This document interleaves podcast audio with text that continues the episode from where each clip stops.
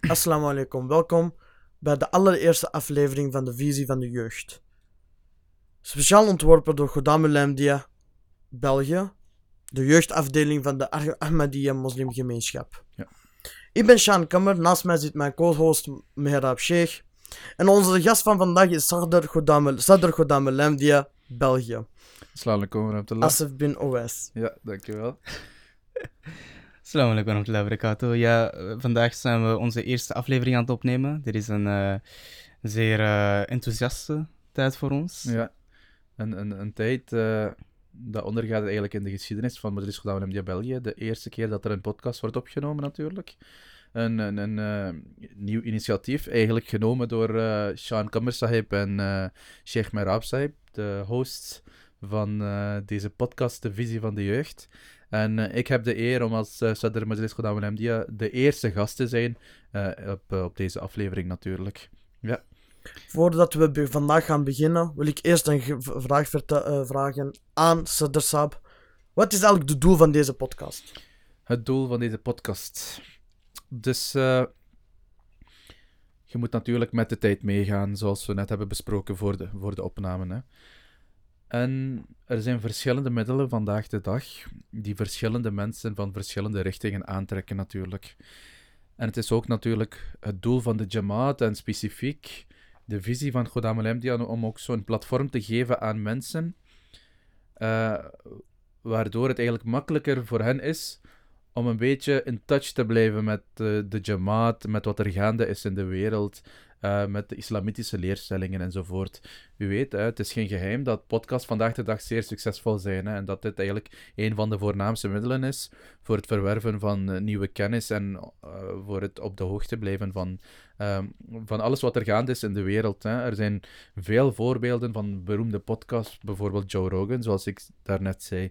En natuurlijk, ik kom neer op hetzelfde punt. Het doel van het starten van een eigen podcast van Godam Lemdia is om gewoon een nieuwe manier te geven, een nieuwe platform te geven aan de Godam, om, om, om, om hun om te vermeerderen in de religieuze kennis, om een beetje up-to-date te blijven met wat er gaande is in de wereld, wat de leerstellingen van de islam zijn, wat de leerstellingen van de jamaat zijn, enzovoort. Hè.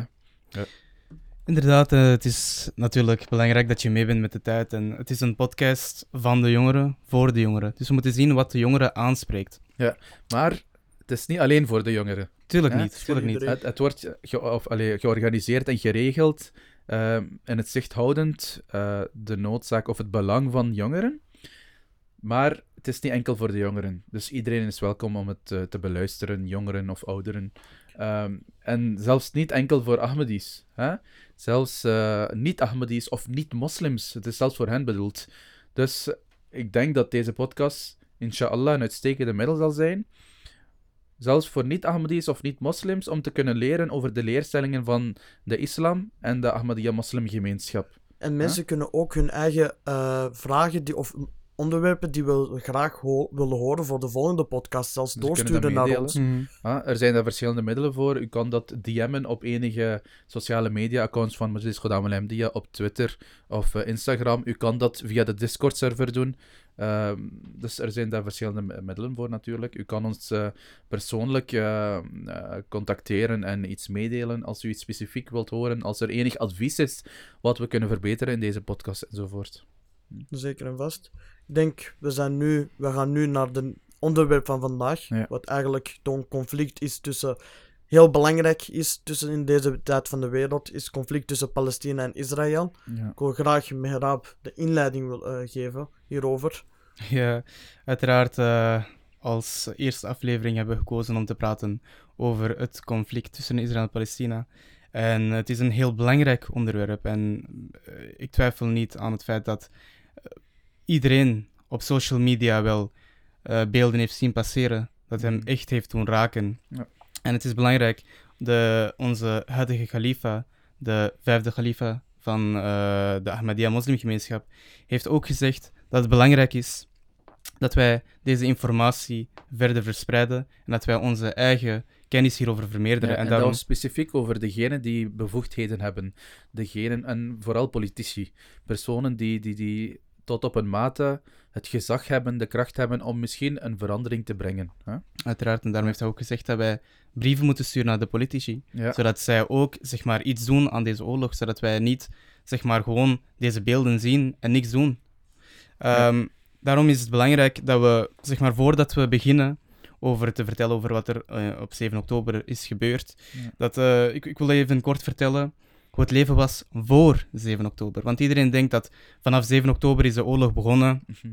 zeg Het maar... is meer ingewikkeld dan dat. Ja, het eh. is veel meer ingewikkeld dan dat. Voor de oorlog, voor 7 oktober, stond Gaza al bekend als een van de ergste plekken om te wonen. Mhm.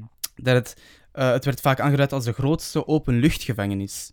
En ik was gisteren een eh, paper aan het lezen van World Health Organization, waarin er stond, eh, het, wa- het was een paper van 2023, dus het is heel recent, waarin er werd gezegd dat voor 7 oktober al 44% van de bevolking bijna ki- kinderen waren. Dus de helft van de bevolking, 44.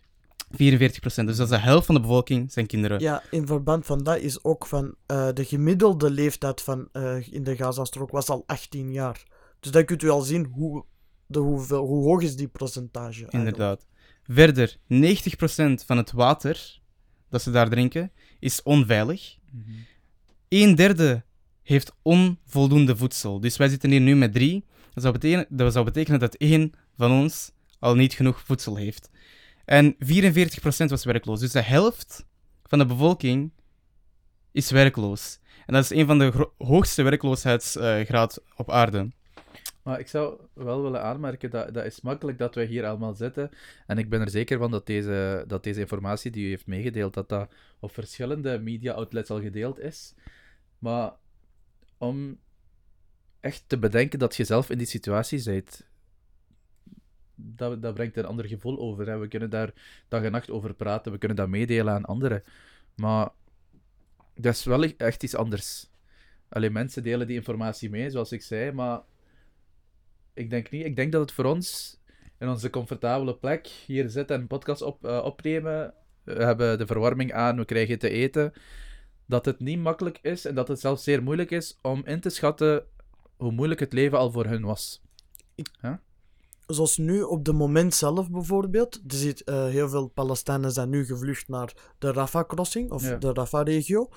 Eh, er was zelfs, eh, dus een journalist heeft dan laten zien, dat was een toilet in een tent, dat dat ongeveer 2 me- vierkante meter is. Ja. Allee, dat is echt heel klein, waarbij daarin de douches is en de toilet is gewoon een vuilbak. Dus dat is heel moeilijk, op deze moment is dat heel moeilijk voor de mensen daar. Inderdaad, en, en de situatie is al verschrikkelijk daar, zoals ik al zei. En het is veel erger dan ik het heb proberen uit te leggen voor de voorbije 75 jaren. Sinds 1948 is het leven in Gaza en in Palestina verschrikkelijk voor de mensen die daar leven. Mhm. Nu, nu zien we dat uiteraard wanneer mensen in zo'n bezetting, blokkade, onrechtvaardigheid en vreedheid leven, uiteindelijk gaat er wel een reactie komen. Er is een verwachting natuurlijk dat er een reactie gaat komen. En nu, de reactie hebben wij ervaren op 7 oktober. Ja. Do we condemn Hamas? Ja, doe ik condemn Hamas? dat is de grote vraag. Dat is is grote de vraag, vraag. inderdaad. Hè, veroordelen wij Hamas? Ja, en eh, wat zou u daarop zeggen als uh, Murubi, als imam van de Ahmadiyya-gemeenschap?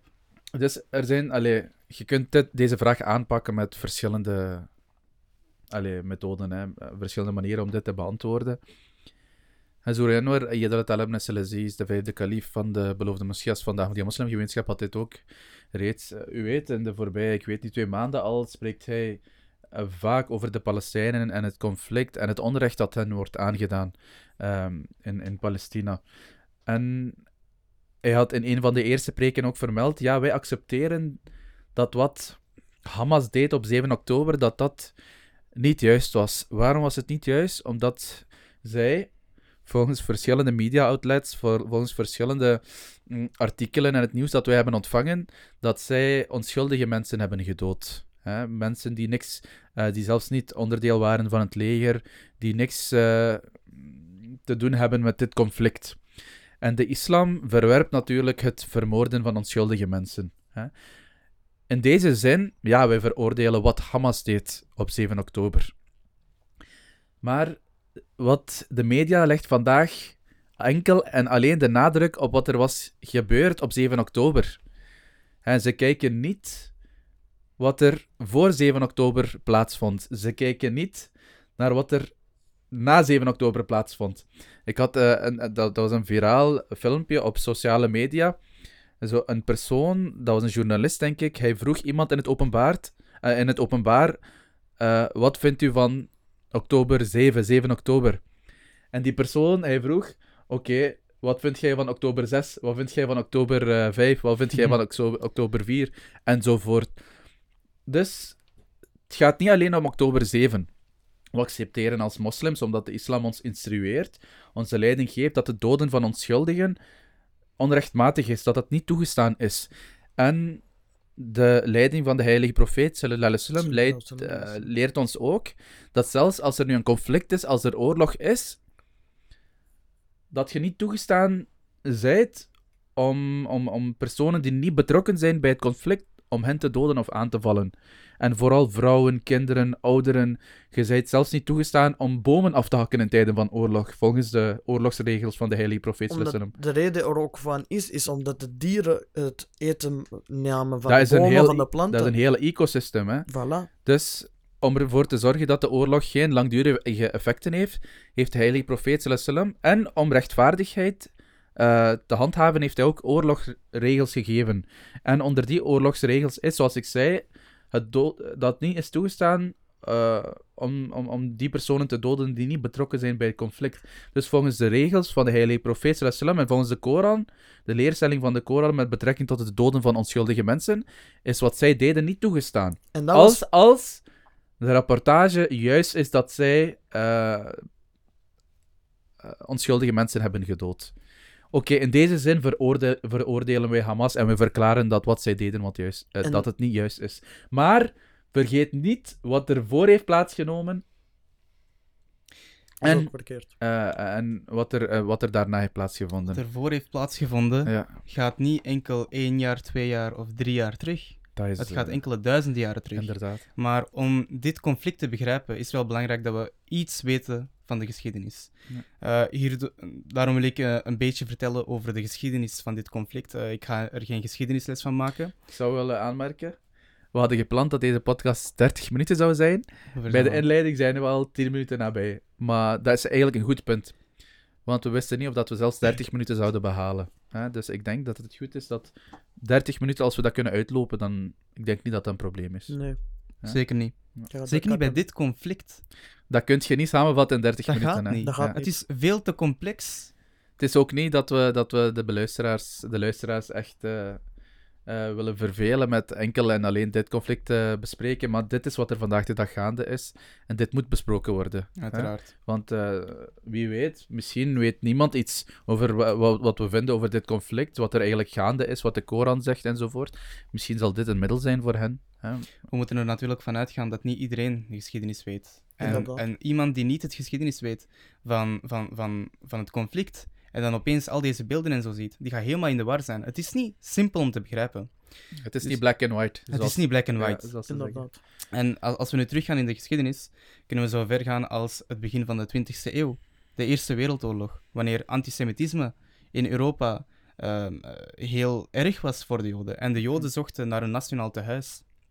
En dit is wanneer ze in 1917 eh, heeft eh, de eh, Britse minister Lord Balfour een ver- verklaring afgelegd dat het Verenigd Koninkrijk positief stond over de oprichting van een nationaal tehuis voor de Joden. De Joden, ja. En dit is, dit is belangrijk, want een, een belangrijk punt dat er ook bij moest, moet vermeld worden, is dat, dat één voorwaarde was dat, er niet mocht dat, dat ze niet mochten interfereren, interfereren met de rechten van de bestaande inwoners. Ja. Maar, oké, dus zij hebben nu, de, eh, Groot-Brittannië heeft nu een, een, een land beloofd aan de Joden, maar tegelijkertijd hebben zij ook een land beloofd aan de Arabieren. Maar, ik zou de nadruk willen leggen, ze hebben een land beloofd aan de Joden uit het land van de Arabieren zonder toestemming van de Arabieren. Inderdaad. Zonder hen, om na te gaan bij hen, oké, we willen dit doen, we willen een huis geven voor een vestiging van, voor de hervestiging eigenlijk van de Joden. En het is momenteel jullie land, wat vinden jullie daarvan? Dat, dat, dat, dat was allemaal zonder het groene licht van de Arabieren of de moslims daar. Hè.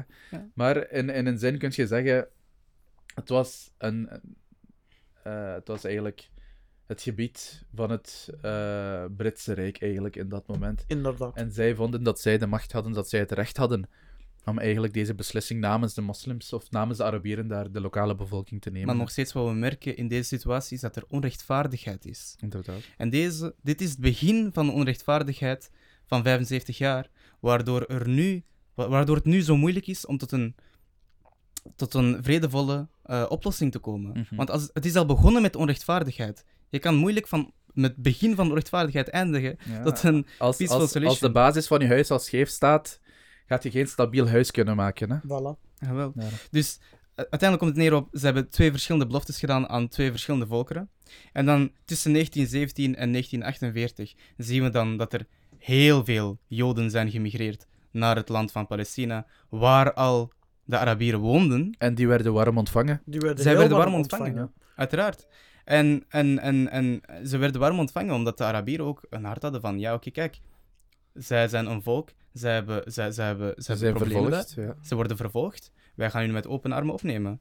Maar de ratio was zo out of proportion dat zij De verdeling ook- van het gebied, Ja. dat was... eh, ja. Nee, nog niet, nog niet eens de verdeling, gewoon Ja. hoeveel Joden er kwamen. Ja. Het werd gewoon zo overdreven dat zij ook uiteindelijk waren van wow, wow, wow. Dit, dit, dit wordt een beetje te veel. Ja. En dan heeft uiteindelijk eh, 1945 vond dan opeens plaats. Ja. Wat gebeurde er toen? De, Holocaust. De Holocaust. De Holocaust. Ja. Zes Ah, de miljoen Holocaust. Joden. Oké. 6 miljoen Joden werden toen vervolgd. Ja. En toen was het pas echt Ja. tijd. Dat de Joden waren van, dat nu was hebben wij... eigenlijk een duwtje Dat was een duw om in de rug. mee, om mee dood te gaan. Hè. Zeker. Dus toen moest het wel gebeuren. Wat is er dan gebeurd in 19 1947? De Verenigde Naties heeft het dan in hun eigen handen genomen. Van ja, kijk, we gaan Palestina verdelen in twee delen. Ja? Eén Joodse staat en één Arabische staat. Ja. De Joden accepteerden het. Zij waren van, oké, kijk, we hebben, we, hebben een, we hebben een grondgebied gekregen, maar de Arabieren niet. Voor de Arabieren voelden het alsof zij in een huis wonen. Ja. Zij nemen iemand te gast. Zijn van, oké, tuurlijk, jullie mogen, hier- jullie mogen hier eh, in, in, een kamertje leven. Dan worden zij zelf verdreven van hun En huis. dan zijn die Joden van, ja kijk, nu is mijn huis, gaan jullie er Ja. maar uit. Maar ook de, de opsplitsing of de verdeling van het land, als je het nu bekijkt, eh, als je het vergelijkt qua aantal moslims of Arabieren en qua aantal Joden. De, de, de Joden waren in de grote minderheid, hè? Maar 33%. toch kregen zij meerderheid van het land. Ja, dat was Dus de 33%. verdeling al, was al onrechtmatig en niet eerlijk. Iemand die zijn stem hier heeft over eh, verheft, is Serze Froullah Khan. Dat is het al aan, hoor. Hij wa- Dat is Ridwan wel- Anhu. Hij was eh, de... De voorzitter van de eh, eh, Council van de eh, van, Verenigde van, Naties. van de Verenigde Naties. Van de, ja, Security en- Council. inderdaad. En, en hij heeft Hij, een hij was, hij was veel meer op zijn tijd, hè? ja, Hè, Hij De was, de minister was van Buitenlandse de, Zaken van Pakistan de ook. eerste bij de De eerste, stichting van eerste, Pakistan. inderdaad. Hij was ook eh, de, rechter, de hoofdrechter van eh, de. ehm, in Den Haag, de rechter International, ja, International Court, International Criminal Court. Court. in Den Haag. in Hij Den heeft, Haag. hij heeft, hij heeft toen ook al gezegd van... eh, is het logisch voor jullie dat 60% van het land, van Ja. Palestina, gaat naar 33% van de Joden? Terwijl de, de, de bevolking van de Arabieren 60% is. Ja. Dus 60% gaat naar 33%. Terwijl de andere bevolking 60% is. Je ziet dus dat er een zware oneerlijke verdeling was. Ja, eh, over uh, Saifullah Khan Saifullah gesproken. Er was onlangs ook een video van hem viraal aan het gaan, eh, waarin ehm, een toespraak gaf in de VN met betrekking tot het Palestijns conflict en hoeveel onrechtmaat, allee, onrechtvaardigheid er werd gepleegd daar. Ja. Ja, en, en ik denk onder de moslims was Hazrat Saifullah Khan Saifullah eigenlijk de voornaamste stem in steun voor, eh, eh, voor de Palestijnen. Hè. En iets, iemand die er effectief, eff- effectief iets voor deed op wereldvlak. En Hazrat Muslim Maud Anhu, als ik me goed herinner, had zelfs de Palestijnen, de Arabieren, geadviseerd om niet hun gronden vrijwillig over te staan aan de Joden, omdat dit eh, geen einde zal kennen. Inderdaad. Hè? Dus, eh, ja. Maar Zefrullah Khan was ook zo van. eh, alle Arabieren leiders gaven met emotioneel eh, de toespraken over dit is eigenlijk verkeerd wat de westerse aan het doen waren. Maar Zefrullah Khan s- eh, Sahib Anho, was die enige persoon die met echte factualiteiten kwam. feitelijke analyse. Met feitelijke analyse, met wat eigenlijk de problemen zijn, wat over de toekomst, de econo- economische toestand was. Over de, want dat is niet alleen de verdeeldheid van de, eh, van de mensen, maar ook van economisch grondgebied. Dus dat is een grote gebeurtenis dat in 1947 gebeurde, de verdeling van de staat van Palestina. En dan in 1948 zien we dan dat de Nakba gebeurde. Ja. Dit was wanneer Israël onafhankelijk werd. En dat leidde tot een oorlog met de Arabische landen. De Arabische landen waren van, ja, dit is onacceptabel, de manier waarop dit is gebeurd. En dan hebben ze uiteindelijk een oorlog gevoerd met Israël. En ze hebben die oorlog verloren. Israël heeft uiteindelijk die oorlog gewonnen. Ja. En ze hebben nog meer grondgebied genomen Ja. dan er werd voorgesteld in het verdelingsplan. En het resultaat hiervan was dat eh, meer dan 600.000 Palestijnen verdreven werden uit hun huizen of moesten vluchten. En dat is een, huma- dat is een humanitaire crisis dat we tot de dag van vandaag nog steeds zien. 70% van de bevolking van Palestina nu zijn descendants van vluchtelingen. Ja. En, en, en dat toont aan dat het niet een recent ding is, zeg maar. Het is van, al van 75 jaar geleden dat de onrechtvaardigheid begon en ze zijn dat nog steeds aan het voelen. En in 1967 is er dan terug een oorlog geweest met Arabische landen en Israël. Mhm. Terug hebben de Arabische landen de oorlog verloren en Israël heeft de oorlog gewonnen en hebben zij nog meer grondgebied gekregen. In 1973, Yom Kippur-oorlog. Nog een keer oorlog met Arabische landen. We zien keer op keer oorlog met Arabische landen en elke keer heeft Gefaald. Israël de oorlog gewonnen. Ja. En dit toont aan de, de, de, de zwakte van de Arabische landen. Ze hebben geen strength, ze hebben geen unity. En dat is waar Zoer vandaag de dag de nadruk op legt in de Godbaat. Er is geen eenheid tussen de moslim-umma. En, en de islam, aan de hand van veel leerstellingen, legt de nadruk op eenheid in de umma. De Heilige Koran zegt dat, eh, dat de mu'mineen, dat, zijn, dat zij ikhwatun zijn, dat zij broeders zijn. Hè. Dat, dus, er zijn zoveel voorbeelden daarover, maar die eenheid ziet men vandaag de dag niet in de, in de umma. Er is ook een hadith van dat, dat, dat, de, dat de moslim-umma is als een lichaam. Ja. En als er één deel van het lichaam pijn heeft, voelt de rest van het lichaam het ook. Maar we zien dat, hoewel deze hadith een realiteit is, wordt er nog steeds niks aan gedaan. Hoewel, hoewel on- onze andere moslim, eh, moslimbroeders in de rijke Arabieren landen met olie geen problemen tegemoet eh, hebben, eh, ze, ze leven een, lu- een luxe leven. leven. En hun buren, de Palestijnen, je ziet wat er gaande is met hen. Maar de ding is ook, dat zijn de leiders die ook niks doen. Omdat er was een, juist een enquête geweest, Ja. waarbij ze aan de, eh, de mensen van Saudi-Arabië vroegen van wat, eh, wat moet er eigenlijk, wat willen de mensen daar? En 90% van de mensen daar zeggen van dat, wij, dat de, alle Arabische landen eigenlijk geen steun moeten geven aan Israël. Zo Bijvoorbeeld economische steun. Dat is het verschil juist. De normale bevolking, dat zijn normale mensen. Zij komen sowieso op voor de moslims. Maar de personen in macht, de personen met bevoegdheden, de personen met geld, de personen met de, met de kracht om, om, om verandering brengende beslissingen te nemen. Daar moet het anders zijn. Inderdaad. Zij zijn de personen die ook de mening moeten hebben dat zij in plaats van hun eigen voordeel te zien, moeten opkomen voor hun Palestijnse broeders en zusters. Het ding is, de leiders, de leiders die nu de landen aan het regeren zijn, ze hebben de Koran achtergelaten. Zij zijn het wereldse leven aan het achtervolgen. En dat ook in overeenstemming met eh, de profetieën van de heilige profeet, natuurlijk. Hè. De heilige profeet zei dat er een tijd zal komen in de komende jaren, in de latere tijden, in andere woorden, dat de islam wel zal bestaan, maar het- enkel met naam. Dat de Koran zal bestaan, maar, maar enkel, enkel in een fysieke vorm als een boek. Ja. Hè, namelijk, de, de leerstellingen van de islam zullen niet eh, nagevolgd worden. De leerstellingen van de Koran zullen niet nagevolgd worden. En wat zou er in die tijd gebeuren? In die tijd Wie heeft de heilige profeet sallam had gezegd dat er een, dat dan een, eh, een, een, een persoon zal komen die het geloof wil, weer zal Hervormen. herbevestigen in de wereld En, de creëren. islam of de moslims zal doen hervormen en eenheid zal creëren in de umma.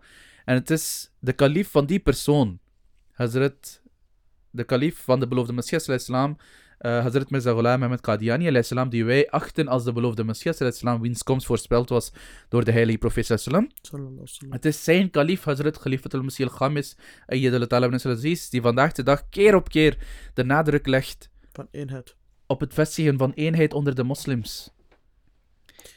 Zelfs op ook- mei, eh, mei, heeft, eh, mei 1948 heeft de, eh, de tweede kalif ook hierop na- nadruk gelegd van deze probleem heeft, er zijn geen verschillen tussen de moslims. Dus we moeten eigenlijk eenheid creëren Hm. en om deze probleem op te lossen. Maar natuurlijk, ja, Er zijn natuurlijk verschillen qua theologie en meningen en interpretaties, maar eh, dat is geen reden genoeg om geen eenheid te om creëren. geen eenheid te creëren en om telkens met elkaar in gevecht te zijn. Uiteraard, maar we zien ook dat de, de, de beloofde Messias, de islam, was geboren op 19, eh, 1835 en 35, is gestorven ja. in 1908. En we zien dat eh, sinds dat hij is gestorven, is de moslim umma enkel achteruit gegaan. Mhm. De Ottomaans Rijk, de val van het Ottomaans Rijk, Ja, dat was dat. het einde. Vanaf, van, sinds, sindsdien, wa- wat is er gebeurd? Ja, Arabische landen hebben enkele keren zijn ze samengekomen om voor Palestina op te komen. Elke keer hebben zij verloren. Ze hebben geen succes meer gehad. Als we naar recent, de afgelopen twintig jaar kijken, wat er, met de, wat er met de islamitische landen is gebeurd. Zij kunnen niks tegen de westerse, westerse landen. Ja, sommige mensen denken dat, oh, kijk naar de Arabische landen in het Midden-Oosten, de Verenigde Emi- Emiraten enzovoort. Saudi-Arabië zijn zo rijk, moslims hebben macht, moslims hebben geld, dit en dat. Oké, er zijn twee en drie landen, maar betekent geld dat je, eh, dat je succesvol Betekent geld is dat eigenlijk. Dat betekent niet dat je noodzakelijk succes, succesvol bent, of dat in de, in de ogen van de wereld, of dat jij succesvol bent in de ogen van God. Er is verdeeldheid in de moslim umma. hè. De Saudi-Arabië Saudi die eh, hun eh, ehm, de moslimbroeders in Jemen aanvallen en doden. Hè, moslims die tegen elkaar ingaan, die tegen elkaar vechten. Eh, er is verdeeldheid in de moslim umma. En waarom is dat? Omdat ze niet de beloofde Messias islam hebben geaccepteerd. Omdat de beloofde Messias islam een van zijn, de doelen van zijn komst was natuurlijk, zoals we hebben besproken, de, de eenheid onder de moslim umma creëren. En weer de ware leerstellingen van de islam vestigen in de wereld. Zelfs als we nu kijken naar Jeruzalem, Ja. eh, Palestina, Israël, dat is, dat is een, eh, eh, het, het landoppervlakte is heel belangrijk Het voor heilige land. het heilige land. kennen. Het wordt het heilige land genoemd. Het is drie. belangrijk voor alle drie monotheïstische religies, eh, Jodendom, Christendom en Islam. Sersa, zal u- kort kunnen uitleggen waarom het zo belangrijk is voor al deze drie religies? Ja. Tuurlijk. ehm, ik zal beginnen eh, met het ehm, Jodendom. Oké.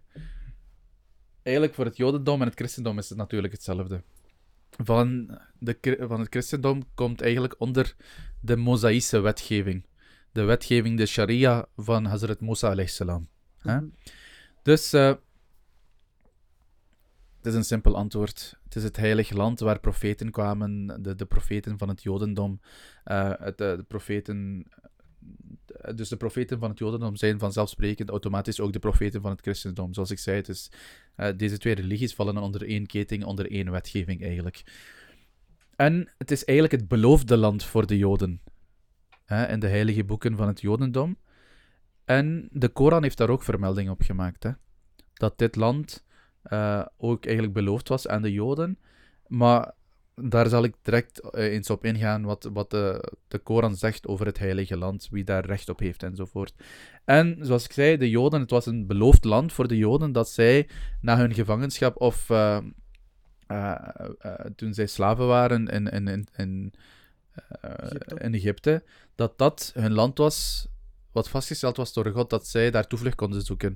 En ze hebben daar enkele honderden jaren gewoond. Hè? En dat was eigenlijk een thuisland, kun je zeggen. Hun voorouders zijn vandaar, hun, al hun profeten zijn vandaar. Hè? En het christendom, natuurlijk, profeet Jezus, salam, uh, is daar geboren uh, in, in Nazareth. Hè? Of Ja. uh, in Bethlehem, maar hij is van Nazareth. Hè? Da daarom in Urdu zeggen we uh, Masih Nasri. Nasri is een betekenis voor Nazareth. Dus de Messias, de Messias die van Nazareth was. Dus hij is daar geboren. Uh, wat uh, betekent dat dit, deze plaats of dat gebied ook zeer heilig is voor de christenen. Waarom is het nu heilig voor de moslims? Hè? Want ogenschijnlijk, de heilige profeet sallallahu was in Mekka, hij is gemigreerd naar Medina. Wat heeft eh, Jeruzalem of dat gebied, waarom is dat belangrijk voor de moslims? Dus u weet, de spirituele reizen van de heilige profeet sallallahu. De reis van Mi'raj en de, de reis van Isra namelijk de nachtreis. Dus dit is ook een verschil tussen verschillende moslims en geleerden. Dat waren dit nu fysieke reizen, eh, die, die de heilige profeet met, zelf met zijn fysieke wereldslichaam had gedaan, of waren dat visioenen of spirituele reizen? Dus de Ahmadiyya moslimgemeenschap is van mening dat dat spirituele reizen waren, aan de hand van de Koran natuurlijk. Want de Koran zegt met betrekking tot deze reizen, dat deze reis u werd eh, eh, gedaan door middel van uw hart. Dat, dat, dat uw hart uw reis had gezien. Als dat geen spirituele reis was, waarom zou God Almachtig dan eh, gezegd hebben dat uw hart zulke dingen heeft gezien? Hè? Anders, met uw fysieke lichaam, kijkt, kijkt je met je ogen. Hè? Inderdaad. En veel ahadis eh, leggen de nadruk dat de heilige profeet sallam aan het slapen was eh, in de Kaaba, wanneer hij de visioen zag of de droom zag van de spirituele reis naar, naar, naar de hemelen. En dat hij te la- lag te slapen bij, in het huis van zijn tante toen hij eh, de spirituele reis van, van Isra naar Jeruzalem meemaakte. Oké, dat is een ander onderwerp. Eh, ja, de- dus het is belangrijk voor de moslims omdat de heilige profeet ook reisde naar Jeruzalem. Oké, in zijn spirituele reis. En daar heeft, heeft hij alle profeten, voorgaande profeten, in gebed geleid. Hè? Bij Masjid al-Aqsa. Nog een belangrijk, eh, nog een punt waarom Jeruzalem belangrijk is voor de moslims, omdat dat onze eerste qibla was. Voor de Kaaba eh, bidden de moslims richting Jeruzalem natuurlijk. Hè? En dan doorheen de geschiedenis heeft dat natuurlijk een, een, een, een belangrijke eh, positie eh, onderhouden in de islam. En vooral wanneer Hadrat Omar radiallahu anhu Jeruzalem had overwinnen enzovoort. Hè? Nu, het beloofde land waar we nu over aan het spreken zijn. Ja. Er zijn verschillende Koranversen in de Koran dat ook spreekt over het beloofde land. De Koran denk- heeft dat eh, heel helder geprofiteerd wat er zal gebeuren met dit land en wat er was gebeurd. Hè? Uh, z- uh, kunt u dan zo één vers bijvoorbeeld... eh, Het, het is moeilijk samen te vatten. Het is niet enkel één vers. uiteraard. Het is een zeer lang onderwerp. Ik zal proberen om het kort en maar op een manier uit te leggen waarbij het makkelijk te verstaan is. En met alle nodige Het is details. natuurlijk hè. vol met voorspellingen en zo, dus als Inderdaad. u echt Ja. de vers En, voorspellingen die al zijn uitgekomen eigenlijk. Hè? Inderdaad. Inderdaad. Dus eigenlijk, deze versen zijn ook eigenlijk eh, eh, een, een teken van de waarachtigheid van de islam en de Koran. Hè? En... Ja. Oké, dus één zeer beroemde vers met betrekking tot het heilige land is... वलाउदबिल्लाशैतरजीम बसमीम वलक़द कतपना फ़िज़बूरी मिम्बाद दिक्री अनल अर्दा यरितुहा इबादी सालिहून hè, dat er in Zoboer, een boek uit het Oude Testament, uh, dat, eh, dat daarin staat. Ik zal de, de, de letterlijke betekenis van het vers lezen. En voordien hebben wij na de vermaning in de geschriften geschreven dat mijn rechtvaardige dienaren de aarde zullen erven. Ik denk dat ik het fout heb gezegd. Ik denk dat Zubur eh, een, een, een tafsir is van het Ja. Oude Testament, hè, als ik niet verkeerd ben. Uh, Merabsab, je kan dat even nakijken. ja, hè. staat, Ja. in, in the Book of David. Ja, inderdaad. Er zijn verschillende versen, dus ik denk dat er meerdere versen zijn in de Dat- dat Heilige is- Koran die zeggen dat Dat is onze... Surah Al-Anbiya, Ja, ja, vers 106. 106, inderdaad. Inderdaad, dat, is, dat gaat over het boek van David. Ja. Ja. En God zegt, en voordien hebben wij na de vermaning in de geschriften geschreven dat mijn rechtvaardige dienaren de aarde of het heilige land, hè, er staat al-ard, dat verwijst naar een specifiek gedeelte van de aarde. En met de context in het oog houden, betekent, is hier verwijst naar Jeruzalem. het heilige land van Palestina, En je Jeruzalem. hebt nadruk gelegd op mijn rechtvaardige dienaren. Hm? Inderdaad, ik Waarom kom deed je hier nu bij. Dus dit is een algemeen punt. God Almachtig heeft, heeft gezegd dat. Maar men moet onthouden, Hazur, Hazrat Muslim Talano heeft uitgelegd dat dit betekent dat het permanente bezit, niet tijdelijk bezit, het permanente bezit van dit heilige land, Zal naar de rechtvaardige zijn. ja, mijn rechtvaardige dienaren zullen permanent bezit hebben van dit heilige land. Dus het is niet dat als nu bijvoorbeeld de Joden daar zouden leven, dat zij de rechtvaardige dienaren Inderdaad, zijn. Het is inderdaad. weer uiteindelijk gaat zijn. Inderdaad, en, maar dit punt, dat is niet de eigen mening van een zoer of alleen de, mijn eigen mening. We hebben dit begrepen aan de hand van de geschiedenis. Hm? Oké, ik zal nu enkele andere versen presenteren die over de geschiedenis en de toekomst Zal praten. van, van, van, over de, van dit gebied gaan. Dus eh, in uh, Surat al-Isra zegt God Almachtig in eh, vers nummer 5 وَقَدَيْنَا إِلَى بَس- بَنِي إِسْرَائِيلَ فِي الْكِتَابِ لَتُفْسِدُنَّ فِي الْأَرْضِ مَرَّتَيْنِ وَلَتَعَلُنَّ عُلُوًّا كَبِيرًا Wat zegt God tegen de Israëlieten, tegen de Joden? En wij maakten aan de kinderen van Israël in het boek bekend. Wat maakte God bekend? Voorwaar tweemaal, dus twee keer, zult gij op de aarde verderf teweeg brengen. Wanorde plegen. Oké? Dus God Almachtig had geopenbaard: de Joden zullen twee keer wanorde plegen in het land. Ze zullen misdaden plegen. En wat zal de uitkomst daarvan zijn? In het volgende vers, vers nummer 6, zegt God Almachtig: فَإِذَا جَاءَ وَعْدُ أُولَاهُمَا بَعَثْنَا عَلَيْكُمْ عِبَادًا لَنَا أُولِي بَأْسٍ شَدِيدٍ فَجَاسُوا خِلَالَ الدِّيَارِ وَكَانَ وَعْدًا مَفْعُولًا toen dan ook de tijd voor de eerste van de twee bedreigingen kwam.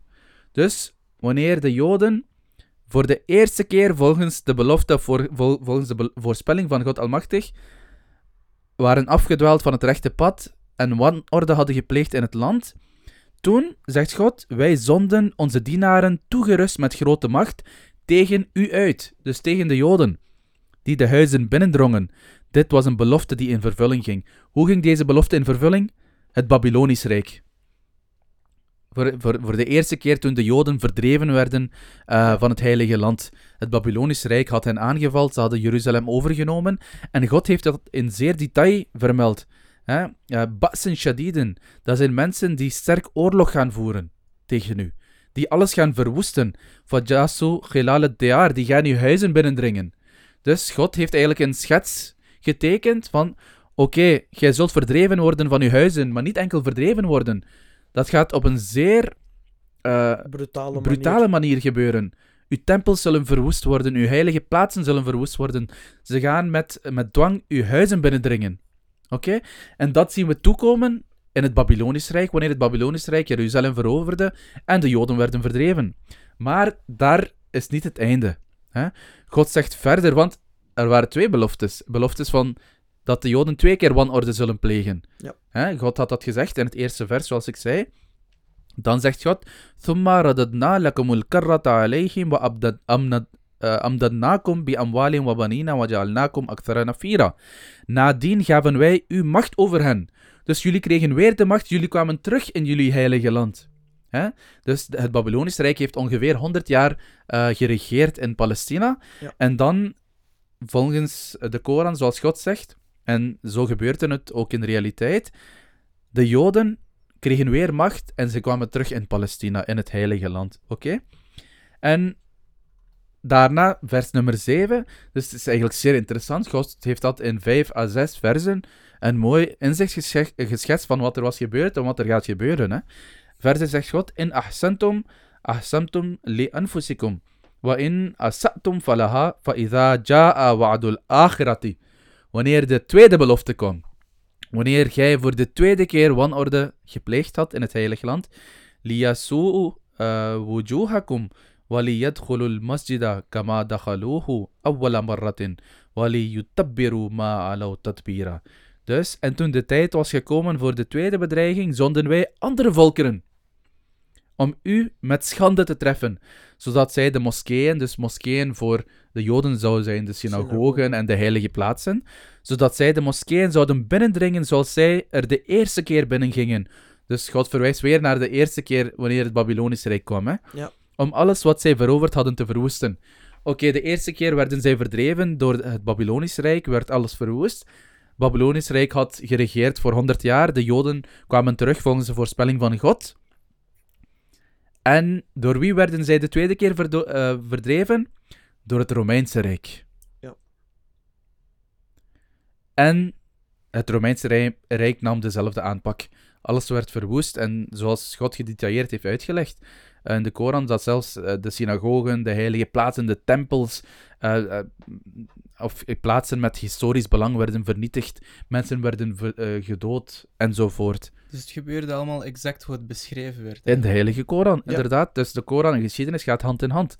Maar, Sean, hier eindigt het niet. Het interessante is. God heeft bij de eerste keer gezegd, wanneer jij verdreven zult worden, dat jij terug zal komen. Toen Ja. We hebben weer uw kracht gegeven.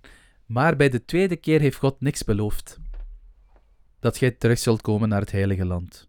Daar heeft hij enkel gezegd dat er nog een ander volk zal komen die u zal doen verdrijven. Inderdaad. Wat heeft God wel gezegd? God zegt: Asa rabbukum, ar, eh, asa rabbukum ayyarhamakum. Wa in uttum udna. Oké, we moeten focus leggen op het punt ayyarhamakum. Het is nabij. Het kan zeer zeker zijn dat uw Heer uw barmhartigheid zal tonen.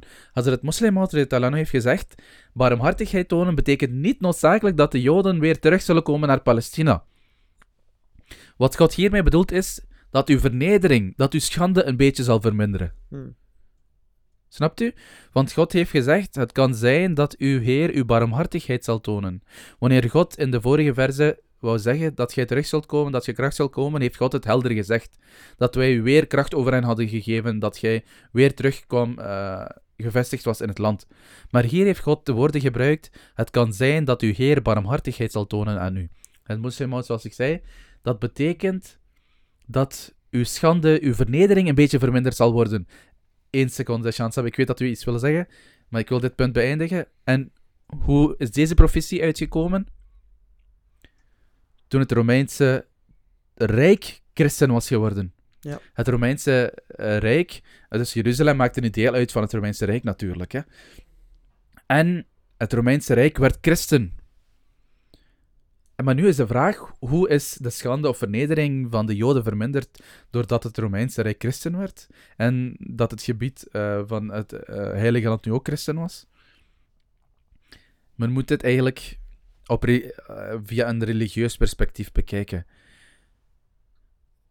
De christenen maakten onderdeel van de Mosaïsche wetgeving. Mhm. Zij zijn deel van de umma van Hazrat Musa alayhi salam. Ja. Ze hebben dezelfde shariat. Dus Musa alayhi salam, de wetgevende profeet van de Joden. De heilige boeken van de Joden zijn ook de heilige boeken van de christenen. De profeten van de Joden zijn ook de profeten van de Joden, van de christenen.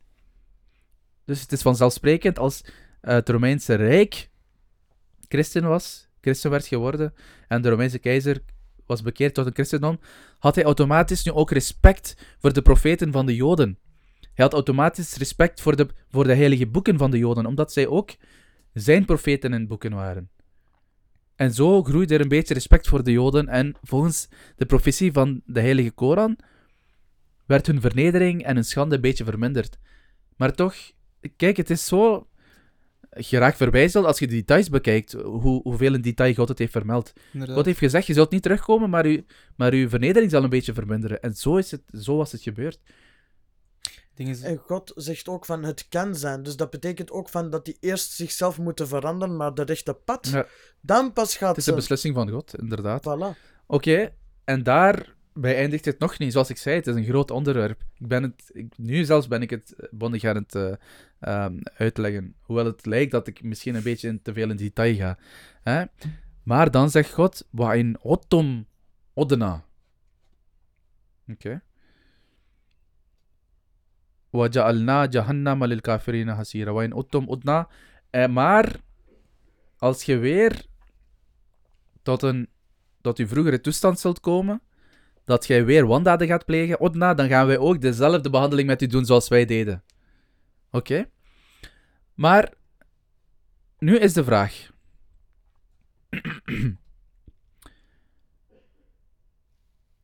Wat speelt Israël, of, de, eh, of het ontstaan van het land Israël? Welke rol speelt dit nu eh, in het islamitisch perspectief? Hè? De realiteit is dat dit ook eigenlijk een voorspelling was van de Heilige Koran. Voordat ik daar ga, ga ik bij Wa'in Ottom Odna. God zei, als je weer naar uw oude toestand zal gaan van wanorde, zullen wij ook dezelfde behandeling doen. Hoe kwam dat uit? Zoals ik zei, het is zeer gedetailleerd. Dat kwam wanneer Jeruzalem werd veroverd door Hazrat Omar, door de moslims. En de macht in de handen van de moslims kwam. Zeker. En, allee, ik blijf zeggen dat het zeer gedetailleerd is, maar dat is ook zo. Ik, je geraakt er verbijzeld van als je daarop ingaat. Hè. In de vorige twee keren, wanneer God zei: Oké, je gaat verdreven worden van uw land, uw macht gaat u ontnomen worden, heeft God vermeld: U gaat onrecht aangedaan worden, uw heilige plaatsen, uw synagogen gaan verwoest worden, uw huizen gaan verwoest worden. Beide keer heeft God dat vermeld. Maar voor de derde keer, wanneer God zei: Als jij weer naar uw oude toestand gaat, gaan we ook dezelfde behandeling doen. Je gaat verdreven worden, uw macht gaat u ontnomen worden. God heeft nie- niks vermeld dat u onrecht zal worden aangedaan. Mhm. Dat uw mensen gedood zullen worden. Dat, u, dat uw heilige plaatsen vernietigd zullen worden. En dit geeft aanleiding tot de verovering van Hazrat Umar van Jeruzalem. U weet eh, eh, wat er eh, plaatsvond. Ik denk dat dat ook een van de punten is dat in Ja. de, een van de Nou, vandaag de- of volgende episode zal besproken worden. De deuren voor Hazrat Umar werden geopend. Geen enkel persoon werd vermoord. Hazrat Umar toonde respect aan de heilige plaatsen. Geen synagogen of kerken werden vernietigd. De inwoners mochten in vrede daar blijven leven. En het is zeer gedetailleerd vermeld door Allah. Allah heeft enkel vermeld voor de derde keer, als jij weer terug naar je oude toestand zult gaan, zullen wij u hetzelfde behandelen. Uw kracht zal je ontnomen worden, je zult verdreven worden. Maar je gaat geen onrecht worden aangedaan. En dit kwam uit, zoals ik zei, in de vorm wanneer de moslims eh, Jeruzalem ver- veroverden. Het werd op een zeer vredevolle manier gegaan, En gedaan. hier gaan we verder in, met, in detail ook eh, verder over praten. Ja, In de volgende onderwerp. inderdaad. Oké, ik kom bij het laatste vers. Ik weet, een zeer belangrijke, eh, het is een zeer lange uitleg. Israël. Waar past dat nu tussen? Wa- waarom is er een, eh, eh, een apart land voor de Joden ontstaan? En hoe past dat in deze versie van de Heilige Koran? En het punt is, de realiteit is dat dit ook een voorspelling was van de Heilige Koran. Hè? Nu, enkele versen daarna, in Surat al-Isra, in vers 105, zegt God: وَقُلْنَا مِنْ بَعْدِهِ لِبَنِي إِسْرَائِيلَ آه، لِبَنِي إِسْرَائِيلَ اسْكُنُوا الْأَرْضَ فَإِذَا جَاءَ وَعْدُ الْآخِرَةِ جِئْنَا بِكُمْ لَفِيفًا En wij zeiden na hem tot de kinderen van Israël, tot de Joden, blijft gij in het land. Dus wanneer zij verdreven werden, dus wanneer Palestina van hen wend- werd ontnomen door de moslims eigenlijk, dat was, hun macht was daar niet meer eigenlijk. de Joden waren verspreid in de wereld. God zegt, Skunul ard. Verblijf in de wereld waar je wilt. Blijft gij in het land en wanneer de laatste belofte komt, zullen wij u allen tezamen brengen. Dus God had geprofiteerd, er zal, zelfs na de verovering door de moslims, zal er een tijd komen wanneer de Joden weer in die plaats samen zullen komen. En wat gaat er dan meteen gebeuren? En hence, the creation of Israel. Waarbij Joden vanuit alle uithoeken van de wereld samenkwamen om terug in het Heilige Land te wonen. En dat is ook in overeenstemming, zoals ik eh, juist heb gepresenteerd, Ja. met de leerstelling van de Heilige Koran. Maar, nu is de vraag, Shansap, kan u mij daar een antwoord op geven? God Almachtig had gezegd, mijn vrome dienaren zullen recht hebben op het land, zij zullen de eigendom hebben van het land. Betekent dat nu dat de moslims niet meer vrome dienaren zijn en dat de joden nu de vrome dienaren zijn van God, omdat zij daar het meestendeels macht in hebben?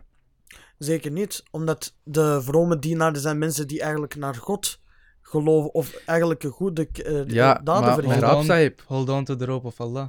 Ja, maar het ding is, het is eigenlijk clear, hè. God zei, mijn, mijn, mijn vrome dienaren zullen recht hebben op het land en zij zullen daar regeren. Maar nu regeren de joden daar. Betekent dat dat de joden eh, nu vrome dienaren zijn? Het is simpel als dat. Je kunt...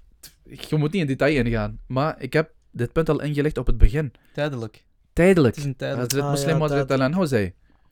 Want deze belofte werd vroeger gedaan. En na deze belofte kwamen ook de Ba- het Babylonische Rijk voor 100 jaar aan de macht. Betekent dat dat de, het Ba- Babylon Babylonische Rijk de rechtvaardige dienaars waren van God? Ze hebben alles geplunderd, ze hebben alles vernietigd. tijdelijk, uiteraard.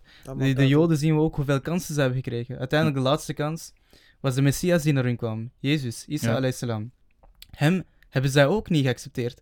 Uiteindelijk hebben zij al hun kansen gewoon weggegooid. Ja. Zij zijn niet meer rechtvaardig. De moslims, hetzelfde is er bij hun gebeurd. Ze hebben ook hun messias gekregen. Ja. Ze hebben de messias ook niet geaccepteerd. Inderdaad. Dus uiteindelijk hebben zij ook niet gehouden aan de touw van Allah. Inderdaad, dus het is. Dus tijdelijke occupatie of tijdelijke macht speelt niet de rol. Ook, zoals ik zei, het, Ba- het Babylonische Rijk had 100 eh, jaar de macht. Zij waren niet de vrome dienaren van God. Het Romeinse Rijk had 300 jaar de macht. Zij hebben ook alles geplunderd, alles vernietigd. Waren zij de vrome dienaren van God? Inderdaad niet. De Hmm. belofte is voor de permanente bezitting van het land. En God zegt: Mijn vrome dienaren zullen het hebben. En na de komst van de heilige profeet, sallallahu alaihi wasallam, al-Anbiya, hè, de profeet met de gro- grootste rang van alle profeten. De profeet eh, in wiens persoon het profeetschap van alle profeten samenkomt. Ja. Na zijn komst is het niet meer mogelijk dat de vrome dienaren de mensen zijn buiten het volk van Mohammed wasallam. Dat is waar. Want de heilige profeet wasallam was een profeet voor de hele wereld. Het heilige boek van de Koran was een boek voor de hele wereld. En voor alle tijd. Alle religies, alle wetten zijn niet meer valid. Het is nu de hei- heilige Koran. Dus het is vanzelfsprekend dat de vrome mensen nu in de ogen van God de moslims zijn. Maar zijn de moslims vandaag de dag vroom? Zijn hun handelingen vroom? Zeker niet. Inderdaad niet. Zoveel conflicten. Ehm, het enigste, de rijke moslims geven enkel aan geld en olie. Ehm, en ze vechten met hun andere broeders, ze doden andere moslims. Ze zijn allemaal zoveel divided. verdeeldheid in Ze de zijn umma. allemaal divided. Inderdaad, Ze kunnen nooit achter één imam bidden met z'n allen. inderdaad. Het is onmogelijk voor hun. Dus als de moslims de overwinning willen hebben in Palestina, macht willen hebben aan Palestina, Palestina, moeten zij toekomen aan de belofte van God. En dat is vrome dienaars worden van God Almachtig. Zei, het is nu aan de moslims om ervoor te zorgen dat deze profetie na een lange periode uitkomt, of een korte periode uitkomt. Nu zien we, de moslims kunnen doen wat ze willen. Ja, Maar het- totdat zij een rechtvaardige dienaar worden, gaan ze nooit bereiken wat ze willen. Hoeveel keer hebben ze oorlog geprobeerd te voeren? Elke keer hebben ze verloren. En dat, dat was de belofte van God. Ja. ja. Dat tenzij jij vroom wordt, krijgt jij dit land niet. Inderdaad. Dank u voor de aandacht. Dat was wel heel lang. Ja, inderdaad. Er is nog één Maar het was belangrijk, dat moest besproken worden voordat we verder kunnen gaan bij andere punten. Voilà, zeker en vast. Wij, ik denk, wij zullen verder nu gaan met, eh, zoals u al zei, van Hazret Umar is dan aan hoe hij Jeruzalem heeft veroverd. Ja. Ik denk dat is een heel belangrijk onderwerp.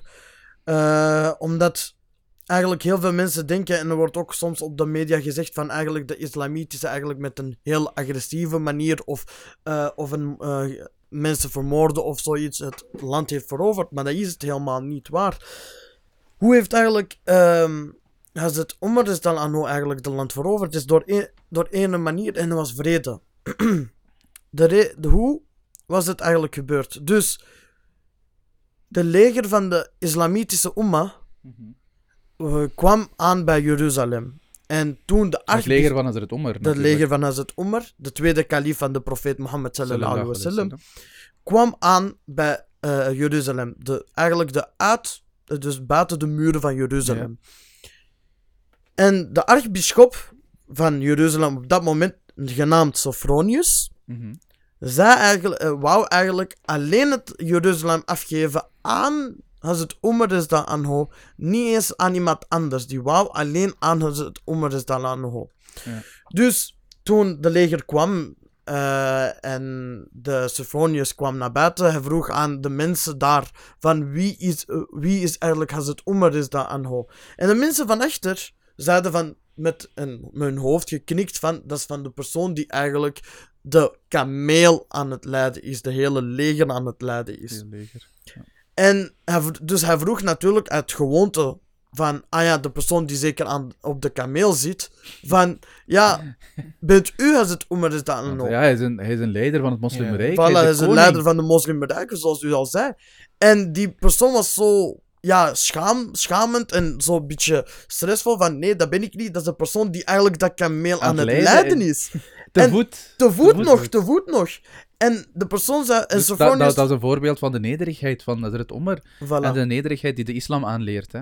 Hij was een koning van het hele, hele moslimrijk. Hoeveel personen had hij onder zijn gezag? En de dingen, ze hebben ook juist Irak en Iran over- veroverd. Ja. Dus dan, dan ziet je u ook van, ah ja, die komt ineens van, eh, die, die zit op, eh, het is wel vrij raar. En de Sophronius was heel sch- geschokt. En hij vroeg van, waarom bent u de eh, kameel aan het leiden? En hij, hij zegt Omer heel mooi gezegd, van, ja, maar ik vind dat mijn dienaar dan moe zal zijn. Ik, wij wisselen het af. Soms gaat hij dan zitten op de kameel en soms gaat ik Maar dan... vandaag kun je dat niet voorstellen, hè? Voilà. Dus dat is wel ki- honderden kilometers die je moet stappen of rijden. En dan gewoon om zo'n nederigheid te laten zien van, kijk, ja, eh, anders gaat mijn dienaren moe worden. Zo kun je zien van hoe nederigheid uh, het Omer het aan Anho was. En is- ja. hij vroeg, dus Sophronius vervolgens zei van, oké, ik wil, wij geven het land onder de voorwaarde dat wij, de, wij beide akkoord zijn. En ik zal u de voorwaarden eigenlijk even eh, vertellen. De christenen, hun rijken, hun kruisen, hun kerken, zal gegarandeerd veiligheid krijgen. Geen enkele kerk zal in beslag genomen worden of vernietigd worden, nog hun ri- rijkdom. Ja. De tweede, geen dwang van zijn geloof. Zoals in de Koran staat ook dat er geen dwang is aan het geloof, zal het zo mensen vandaar geen, niet geforceerd worden om een moslim te worden. Maar de mensen die bijvoorbeeld niet moslims zijn, die moeten wel jizya betalen, de belasting. Ja. Om natuurlijk voor hun vandaag- eigen Die we veiligheid. vandaag de dag ook Nee. hier betalen. Nog altijd. Maar het moet ook eh, vermeld worden dat die belasting minder was dan het geld dat de moslims moesten bijdragen. Zeker en vast. Hm? Ja. Zeker en vast. En dan... Dus want, de- want de moslims eh, eh, eh, draagden hun religieuze belastingen bij, de, de en andere, andere, andere dingen. En de jizya was eigenlijk gewoon een, een, een, een belasting van de staat. Ja, om Die voor hun niet- Die veiligheid. de niet-moslims moesten betalen. En Inderdaad. het was eigenlijk voor de, de, de, de belastingen die we van- vandaag de dag betalen voor de straten, om de straten te onderhouden, om alle, alle andere eh, dingen te onderhouden die we dagelijks gebruiken van het Het land. is ook wel gewoon voor oorlog, hè, dat, eh, dat, dat de moslims die Mhm. in dat land wonen, dat ze moeten gaan, als er oorlog is, dat ze moeten gaan meevechten. Ja. En dat de, de joden dat niet hoeven te doen, door, Ja, omdat ze gewoon jizya moeten betalen. Zij Ja. zijn niet verplicht om Voilà. mee te vechten. Dus Ze ja, zo- vandaag de dag, eh, vele Orientalisten zeggen, oh, er was een speciale belasting voor enkel de niet-moslims en niet voor de moslims, maar dat is niet waar. Die belasting was minder dan voor de moslims. En de moslims waren toch op religieus vlak, vlak veel meer aangespoord om blijven bij te dragen aan de religie, aan het land. En dit was eigenlijk een verlichting voor de niet-moslims. Zeker en vast, omdat die krijgen de veiligheid. Omdat, ja, de Ja, maar ook al, als je zelfs vergeet wat die, wat, die in ruil daarvoor krijgen, het was veel minder dan wat de moslims bijdraagden. Hè? Zeker en vast.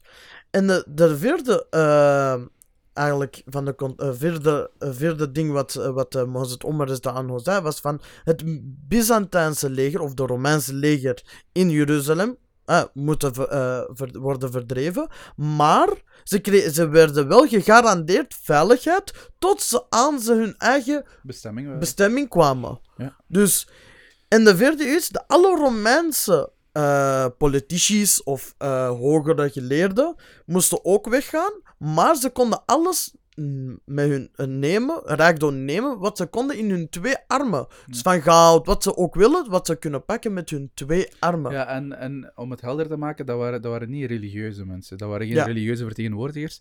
Dat waren de toezichthouders van het Romeinse Rijk. Oké, dus daar kun je geen bezwaar tegen hebben dat zij werden verdreven, dat zij werden gevraagd om weg te gaan, omdat dit land niet meer in hun, in hun bezit was, niet in hun macht was. Hm? Dus voor de rest, behalve de personen die, die, die vertegenwoordigers waren van het Romeinse Rijk, iedereen mocht blijven, hè. het was hun land. En de belangrijkste de, het ding dat ik wil zeggen, en meest schokkende voor veel mensen zullen zijn, dat de Joden mochten niet in Jeruzalem wonen. In het begin. Oké. Ja, want, ehm, want eh, wat, wat, wat, eh, wat de meesten weten is dat ehm, wanneer uh, Umar Anhu daar was, dat de mensen zeiden, dat, dat Umar Anhu tegen de Joden zeiden van, kijk, eh, wijs maar naar waar je wil wonen. En dan zou hij daar een plek voor u maken om daar te gaan wonen. Dus Ja, hierover zal ik dan ver- verder vertellen. Want in sommige vertellingen zeiden eh, van de Joden zelf dat in het begin ook niet mochten eh migreren door de spanning in Jeruzalem. Ja. Maar sommige Joodse historici zeggen zelfs dat kort na de verovering wel mochten eh, binnenkomen in Jeruzalem. Dus aan het, be- bijvoorbeeld een Joodse historicus, eh, bijvoorbeeld Bernard Reich, zei aan het begin van de islamitische her- heerschappij werd de Joodse nederzetting in Jeru- Jeruzalem vervat en de Joodse gemeenschap kreeg toestemming onder bescherming te leven. Een heel belangrijk punt hierover wil ik graag dat over de gemigreerden van de Joden, omdat heel veel mensen denken van ja, we weten wel dat Joden toch in Jeruzalem mochten leven, of sommige mensen vinden dat wel raar van waarom mochten Joden niet in eh, Jeruzalem wonen. En dat is heel belangrijke punt. Is de geschiedenis wijst erop dat de moslims de Joden in Jeruzalem en Palestina zeer welkom heten. Dat, dat, dat hebben we hierover al gesproken. En in bijvoorbeeld, in feite schrijft de bewaarde Judeo-Arabische teksten, apocrief, dat als het Omer is dan anho Jeruzalem heropende voor de Joden. Dus elke moslim die in de stad of in de vallei kwam, met hen kwam een groep Joden. Toen beval hij Omer eh, hen om de heilige plaats, de tem- Tempel Mount, wat ze zeggen de Tempel Mount, de Tempel van Solomon, wat ze nu eigenlijk nog altijd eh, willen eh, bouwen, Ja. eh, te vegen en te reinigen. Oh ja, dit is ook een belangrijk punt dat ik wou vertellen, is toen Sophronius na de verdrag eigenlijk naar binnen vroeg aan het Omer, eh, die vroeg hem naar binnen, en die bracht hem naar hun kerk, die nu nog altijd in Jeruzalem staat. En zei van, ja, ik wil, eh, Sophronius vroeg aan Hazet Omer van, ik wil op mijn manier bidden en u, ik wil dat u met mij samen bidt in mijn kerk. En Hazet Omer zei, Rezdan Anho zei van, nee, ik wil niet met u samen bidden in dit kerk. Mhm. Ik wil in een leeg plek, een propere leeg plek, daar samen bidden. Reden ervoor is dat hij, in de toe, dat hij wist van, in, hij zei antwoorden van, in de toekomst zal mijn mensen van mijn umma deze kerk omvormen naar een moskee. Ja, omdat zij, zij zouden zeggen, oh, onze kalif had hier gebed, dat is nu onze moskee. Voilà. En alleen om hun recht te onderhouden, om hen te beschermen van de overname van de kerk, zei hij nee. Ik ga hier niet bidden, alleen voor uw bescherming en bescherming van deze kerk en uw mensen. Voilà. En nu die plek waar ze samen baden, is van nu op deze moment een hele moskee gebouwd. Zo kunt u ook zien, en dan er verderop, een heel belangrijk punt vind ik wel. Als het onder is dan aan hoe wou de Tempel Mount, of de Tempelberg zien, dus de heilige berg waar eigenlijk de, voor de Joden een heel belangrijke eh, berg was. Ook waar de Tempel Solomon eh, vroeger werd gebouwd Voordat hij vernietigd werd. voordat hij ver- vernietigd werd, ging hij naar daar om... Hij wou dat echt precies zien. En hij kwam daar aan en hij zag van dat er een vuilnisbelt daarop was. Hmm. En hij was gechoqueerd. Hij zei zo van, ja, dit is eigenlijk een belangrijke plaats voor de Joden. Een heilige plaats. En, en eh, Sophronius zei van, ja, maar wij hebben alle eh, Joden vermoord of verdreven. We zijn geen Joden en we willen hun eigenlijk nog, zoals in Engels, embarrassen of vernederen. Hebben we al het vuil van het stad in deze plek gezet. En omdat de, als het zoveel pijn voelde voor de Joden, begon, begon hij eigenlijk de vuilnis op te rapen. Hij ging op zijn knieën. Hij ging op zijn knieën de vuilnis oprapen. De koning of de leider van de islamitische umma. Ging op zijn knieën. En de leger zag zijn eigen leider op zijn knieën de vuilnis oprapen.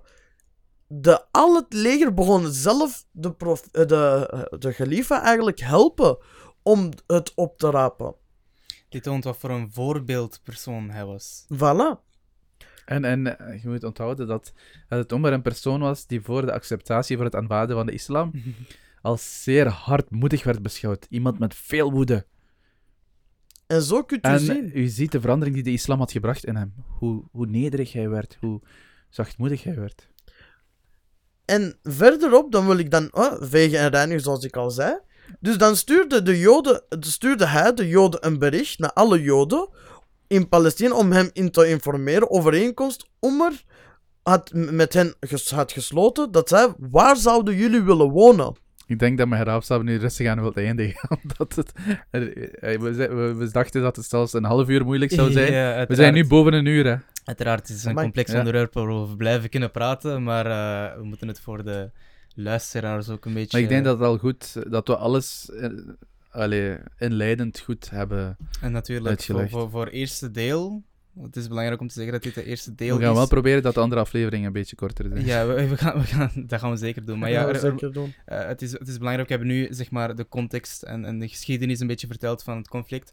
Maar het is ook belangrijk om uiteindelijk te zeggen van, ehm, is er een oplossing? Is er een oplossing van dit conflict? Ehm, Die we al besproken hebben eigenlijk. ja, maar, maar het is eigenlijk, je kan er dieper op ingaan, want ehm, Ja. we hebben, oké, we hebben over Serge Froelag gesproken, we hebben over de. Gulafag gesproken, maar ehm, er zijn veel meer dingen dat zij hebben gezegd, Mhm. wat eigenlijk wel nog steeds belangrijk is om te zeggen, um, om te vermelden. Zodat eh, de, de, de Ahmadi-jeugd, en niet enkel de Ahmadi-jeugd, dege- iedereen die aan het luisteren is, dat hij op de hoogte is hiervan. Ehm, dus we gaan zeker een deel 2 houden, maar ik denk dat het een eh, goed moment is om deel 1 hier Ja. te eindigen. Ja, Tenzij jullie nog iets te zeggen hebben. En ik zou willen herhalen, we hebben uw feedback nodig. Deze podcast is voor de luisteraars, voor de jeugd, voor eh, iedereen eigenlijk. En stuur onze feedback via de social media accounts van Godam LMD op Twitter of Instagram, of je kunt ons direct contacteren. Eh, Inderdaad, en ik wil een snelle plug doen Ja. voor eh, de studenten die aan het luisteren zijn. Eh, de Student Aid Forum Discord-account is een, een account dat is gemaakt door de vorige uh, Murutulba, waar al studenten kunnen komen. En het is een, het is een plek om te uniten. En jullie kunnen daar altijd ehm, jullie mening verkondigen, wat jullie ook willen zeggen. En ehm, als jullie iets hebben van, ja, dit kan beter, of jullie kunnen het beter zo doen of zo, kunnen jullie altijd op het Discord-account eh, dit vermelden. en hulp met studies. Of hulp Dat met studies, ja, dat, dat, is, dat is waar het eigenlijk is voor Ja. gemaakt. Zeg maar. Voor elk eh, vak is er een aparte eh, channel waarbij jullie jullie vragen kunnen stellen. En er is altijd wel iemand die gaat antwoorden, want niet iedereen heeft altijd iemand om hun vraag aan te stellen. En als je de jamaat hebt waar Ja. je naartoe kan keren, dat is het beste. Dus eh, zoals uh, zei, geef zeker jullie feedback. Is het te lang, is het te kort? Heeft uh, Shansaab te lang gesproken? Heb ik te lang gesproken? Ik was degene die het meest heeft gesproken vandaag. Dus Inderdaad, want, want, want eh, het is ook wel belangrijk om te weten dat eh, de, de, de attention span van de jongeren tegenwoordig een beetje Korter is. eh, korter is. Het ding is, ja, het, ons doel was natuurlijk om, om het half uur te houden. Maar dit is een onderwerp. eh, Dat we willen het eigenlijk ook beëindigen in twee episodes. We willen het niet hierop eh, aanhouden, omdat het een beetje eh, herhalend wordt. Daarom dat dit belangrijk was, om zoveel mogelijk te bespreken op, in één episode.